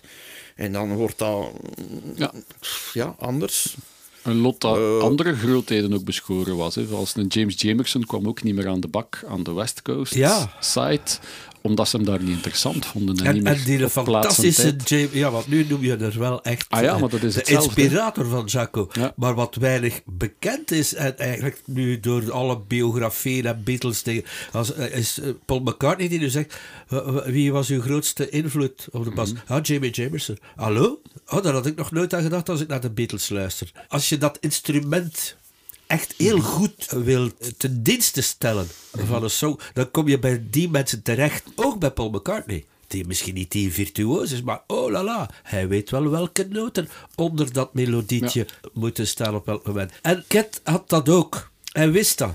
Hij voelde dat en hij deed dat of hij zocht het. En dan moest je hem even tijd geven in de studio. Niet lang hoor, dat we- weet ik zeer goed toen ik het album bij Wim de Kranen opnam. Dat moest heel snel gaan. wel. Maar je, je moest hem even de tijd geven. Ah, dit is het nummer.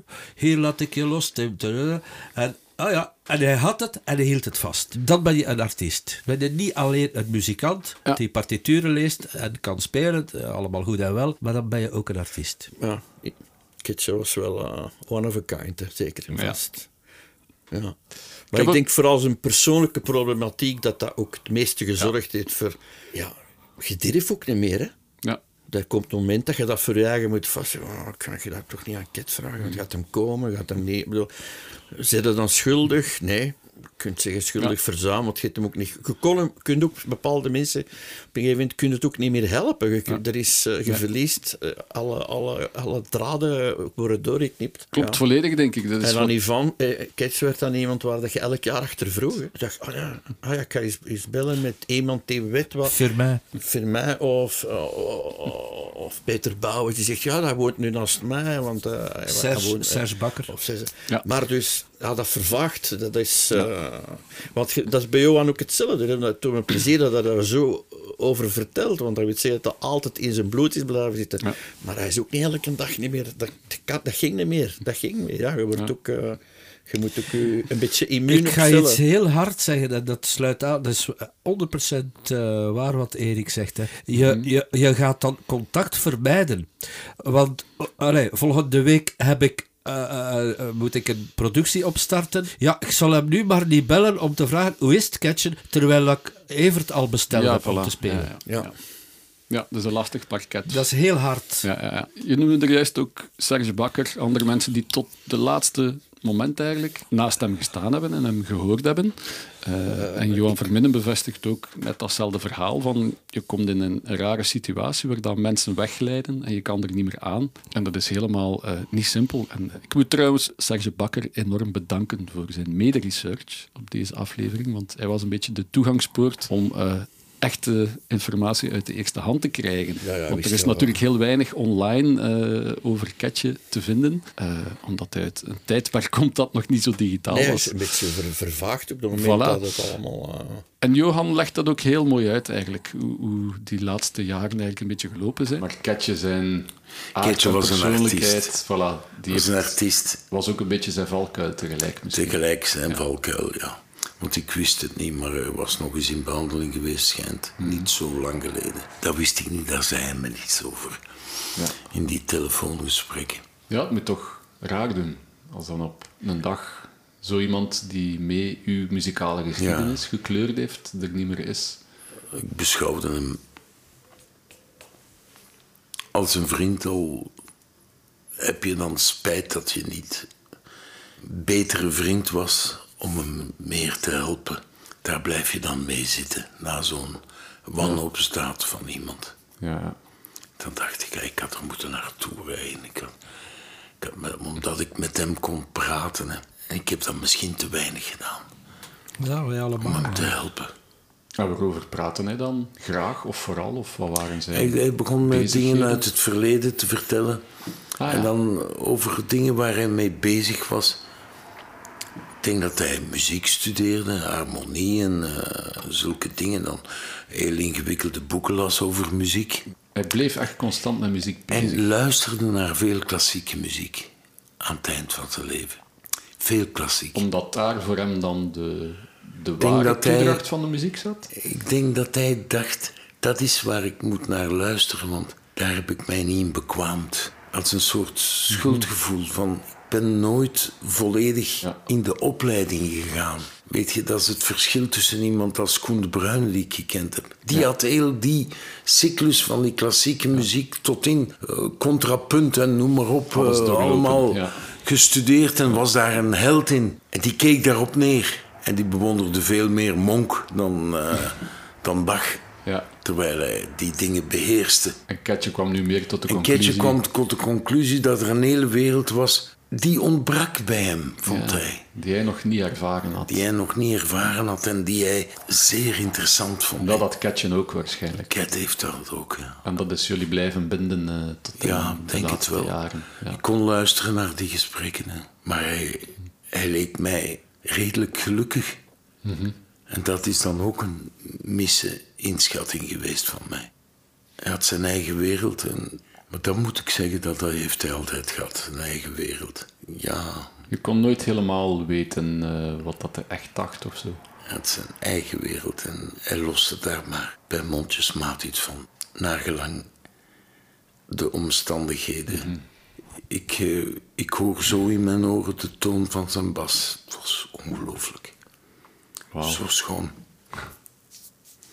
En nochtans, ik heb in mijn leven met veel goede bassisten gespeeld. Die ook allemaal prachtmuzikanten waren, maar, maar Kit had iets Ja. ontroerend, moet ik zeggen. Hij zong. Ja, ja, het is dat, hè. Mooi. Ja, dat is eh, zeer, zeer mooi. eh. Jullie zijn het eensgezind, denk ja, ik. hè? ja, zeker. Maar eh, Johan zegt het weer. Hij zong en dan denk ik ja, in, in de rechtstreekse verbinding aan eh, Philippe Catherine op gitaar, die op een soundcheck is aan mij vroeg. Die gens écoute euh, dans la salle, est-ce que ma guitare chante assez? Ja, ik heb daar iets op geantwoord zonder van af te zijn. Ja, dat je beter niet had gezegd. Ja, ja. want natuurlijk, want, want het is het. Allee, behalve zijn enorme muzikaliteit en zijn composities van Philippe, gaat het in essentie maar om één ding: dat is de toon en de, de, het, het, het zingen. Ja. En dat was bij Cat ook. Ik, ik vind dat die twee helaas niet samen een prachtige plaat hebben gemaakt. Twee zangers.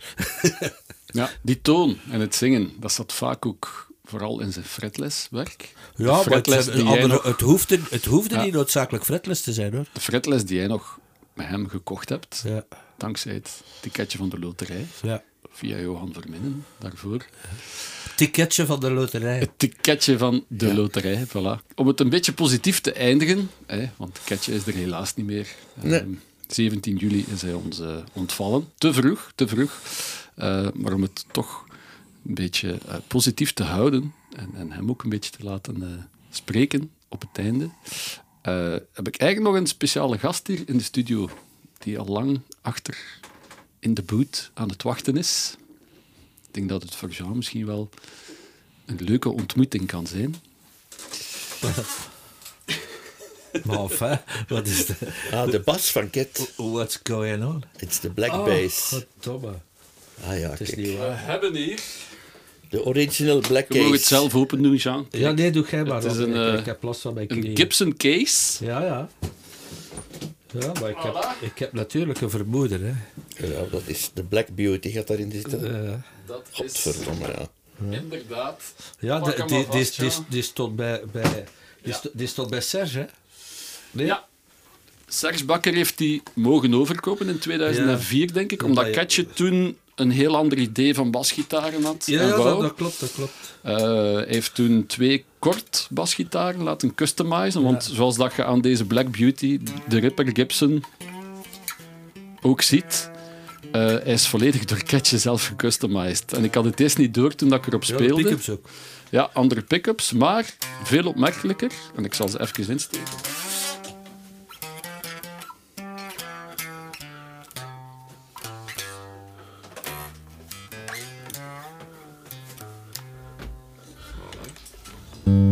Voilà, daar is ze. Er zijn nog wat probleempjes met de aarding in de elektronica, maar maar die speelt zo goed. ja. Hè. En Jean, als je helemaal naar boven gaat, de hoogste regionen, wat bemerkt je plots?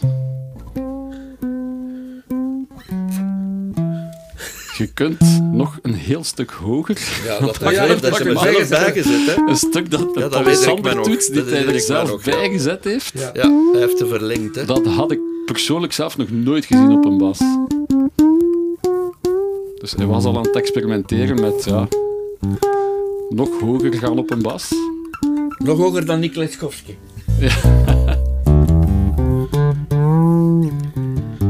het is een Als je heel het goed nu zo hoort, instrument. dan weet je hoe, hoe goed dat Ket eigenlijk speelt. Ja, dat is waar. Ja, maar Je mocht het- je mocht het zeggen. Voilà, Jean wacht zich aan Jaco Oh, Pastorius. Nog eens. Dan moet je wel de, Nee, je de moet het bridge pick-up opzetten, hè Jean? Dan Wat, moet de bridge pick-up opstaan. Hè? Als je 10 town gaat doen, dan... eh voilà, de Jaco is daar.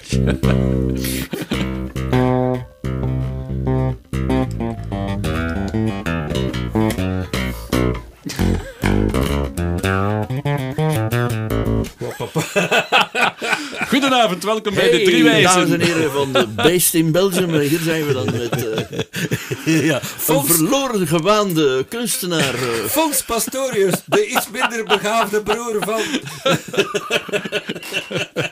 Recht uit de pastorij van Zulte. Ja. van de bekende fusiongroep Gustas Gekniet. Hebben we nu Fons Pastorius. Nee, maar wat er wel nog van Pastorius is, is op de bas, Jean, dat is de set snaren is van Jaco himself. Wat bleef? Die erop De set snaren die erop staat is van Jaco himself Ah, daarom dat ik het zo goed kan. Waarom Ja. dat hem die al eens gebruikt had. Ja, dames en heren, wij gaan nu over terug naar de studio. Want eh, Interludium. Interludium. er is niks, zus, Voilà. niks, maar dit. eh. Van het album Roeien met de riemen zijn eh, was dit. Jean is volledig los aan het. Vogeland van eh Ukkel Verwacht. Ja. Allee, Is goed En eh, Wil Jean, jij ook een knap Nee, spelen? nee, nee, ik ga. Ik heb ik die. kan dat niet. hoe voelt het om die bas van... eh, wanneer hebben jullie die ik bas gekocht? ik wo- ik- 1976 Ik of zo? word zot. En dat is raar. Maar die voelt vertrouwd aan. Want mijn Gibson eh, Les Paul, die is van Mhm. Ja. hetzelfde jaar. Ah, en die nek, dat is niet te geloven. Dat is natuurlijk een bas. Maar dat voelt vertrouwd aan. Ze, ze gingen doen toen Het is voor... geen eh, geweldig succes geweest, nogthans. Hè, Nee. Nee, de rippers zijn niet echt Nee, doorgebroken. Jack, eh, Jan Hulze die had dat ook. Rick Danko van de band de- speelde ja. daar vooral op. ja, maar dat is heel smal, hè. Ja. En met kleine polletjes, zoals ik heb, Ja. is dat Dat fantastisch. herinner ik me dus van Ketnis. hè. Of dat hij grote of kleine handen had. Gewoon Fijn, fijne hand. Fijn, dat weer. Fijn, Fijn, hand. ja. Heel fijn. Want dat zo'n mooie, mooie Want van positie. Chaco weten we dat dat al een beetje meer T-Rex was Ja, eigenlijk. Ja, ja, ja, koude ja, ja. schippen. Maar eh, ik heb dat heel mooie, elegante, Ja. fijne vinger. Want hij mooie was ook positie. een elegante. Hè? Ah, het was ook een elegante gast. Ja, met zijn snor. En zijn kleren, dan, pas op. We zullen het zien op de hoesfoto die eh, gepaard gaat met deze podcast. De snor was verzorgd. Hè. Het is niet dat je geen talent hebt, hè, Jean, versta me niet verkeerd. Hè. Dat, dat is het. Wouter speelt ook bas. Wouter ook bas. Ja, Maar bij wie? de variété. Ja, Van 12 tot 2 met uh, René van der Speten. eh. En de Prince of Darkness. We, we deden een doorloop van ons Dr. on the Spee-programma in, in Oostende, de, de- de Theater aan Zee, Juist. in de grote versluishal. basketbalarena. En- Oei, oei, juist voordat we nog de, door, de echte doorloop gingen doen. Oei, waar is Wouter? En iemand zei, ik ga, niet, ik ga geen namen noemen. Dit is even een klein video op de dijk aan het opnemen met mama's jas. ja, ik heb daar nooit spijt van gehad dat ik dat gezegd heb. Het had gekund. Het, ja, het is toch wel wat op dit vast te... Ja, ik vond het ook indrukwekkend. Ja, We hebben hem dikwijls eh, gezien, die bas. Pak Ja. het terug. Pak het Nee, het is een prachtige bas. Wat dat wel opvalt, is dat ze eigenlijk om zo vintage van 76 te zijn, toch Ja. vrij modern klinkt. Ja, hè? Ja. Ja, ja. En je hoort direct catches in een sound die dan Maar op dat vlak ook Gibson anders is dan dat is geen- Jaco. omdat hè. ik- Gibson, ik Gibson ook- had geen grote Mhm.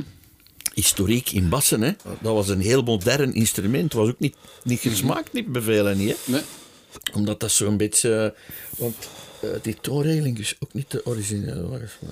Nee, het is helemaal omgebouwd. hè. Maar ja, En- hij en de- veranderde van Want alles aan zijn toch bas. zo'n soort draaiswitch, die grippers. Ja, dat klopt. Die is ook Want verwijderd. een, een nat- natural, is een, Ja. een blonde. Hè. Zoals op de die zit er een L6 van Gibson, draaiknop die Santana's, die ze hadden, Ja. dat was ook zo. om de impedanties van de pick-up te veranderen. En dat heeft Catchy er ook uitgehaald. Hij heeft daar En een je- Fender-bas van gemaakt. Ja, ja. Hij heeft er eigenlijk een Fender En van gemaakt. bij Ja. die Steinbergers deed hem dat ook. Had hem Ja. ook andere pick-ups en zo. ja. Plus hij heeft de, de cutaway van de body dan ook nog verder uitgesneden Ja, ja, ja, om ja. met zijn verlengde toets Ja, ja. met zijn vingers er Ja, toch te die houtbewerking, hè? Ja, Ja, maar dat is serieus. Ja, ja dat is juist. Ja. Dat heeft hem allemaal zelf gedaan. Ja. Dat is echt pièce uniek. Toen hij alleen woonde in, eh, in, in Vorst, daar in de straat die Erik genoemde, een beetje verder woonde Jean-Pierre Rolraat. Ja. tegenover. En, om, en om de hoek Pietro Racci, die Ja, daar ja, allemaal bij. Ja. En eh, ik ging ehm, bij hem op bezoek. Oh, oh, eigenlijk om s'avonds dan uit te gaan of zo.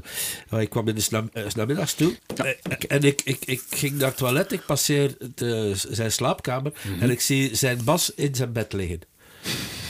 Dus ja, Ja. Dat, dat weet je ook genoeg. Hè. Ik stel voor dat we nog eens klinken op het eh, roemrijke leven. Santé?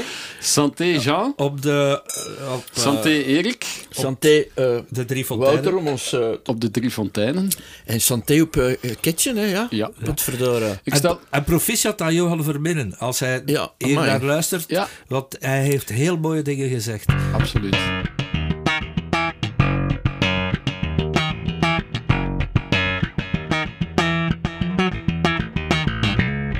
Advice for the young at heart. In dit item van de podcast eh, vragen we meestal de goede raad van de basgast in kwestie naar de jongere generaties toe. Maar aangezien Ketje sinds 17 juli 2022 niet meer onder ons is, helaas, kan hij ook zijn muzikale wijsheid zelf niet meer eh, doorgeven. Daarom hebben zijn vrienden en zijn nabestaanden de domeinnaam catbase.be geregistreerd. K-E-T-B-A-S-S.be.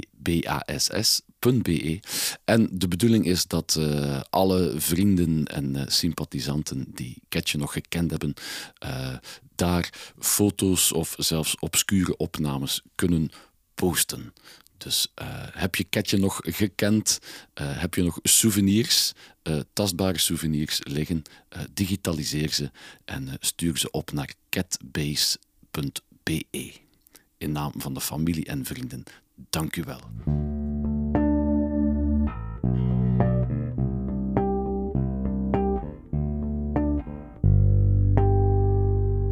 Famous Last Notes. Ik ben blij dat het jullie ook raakte.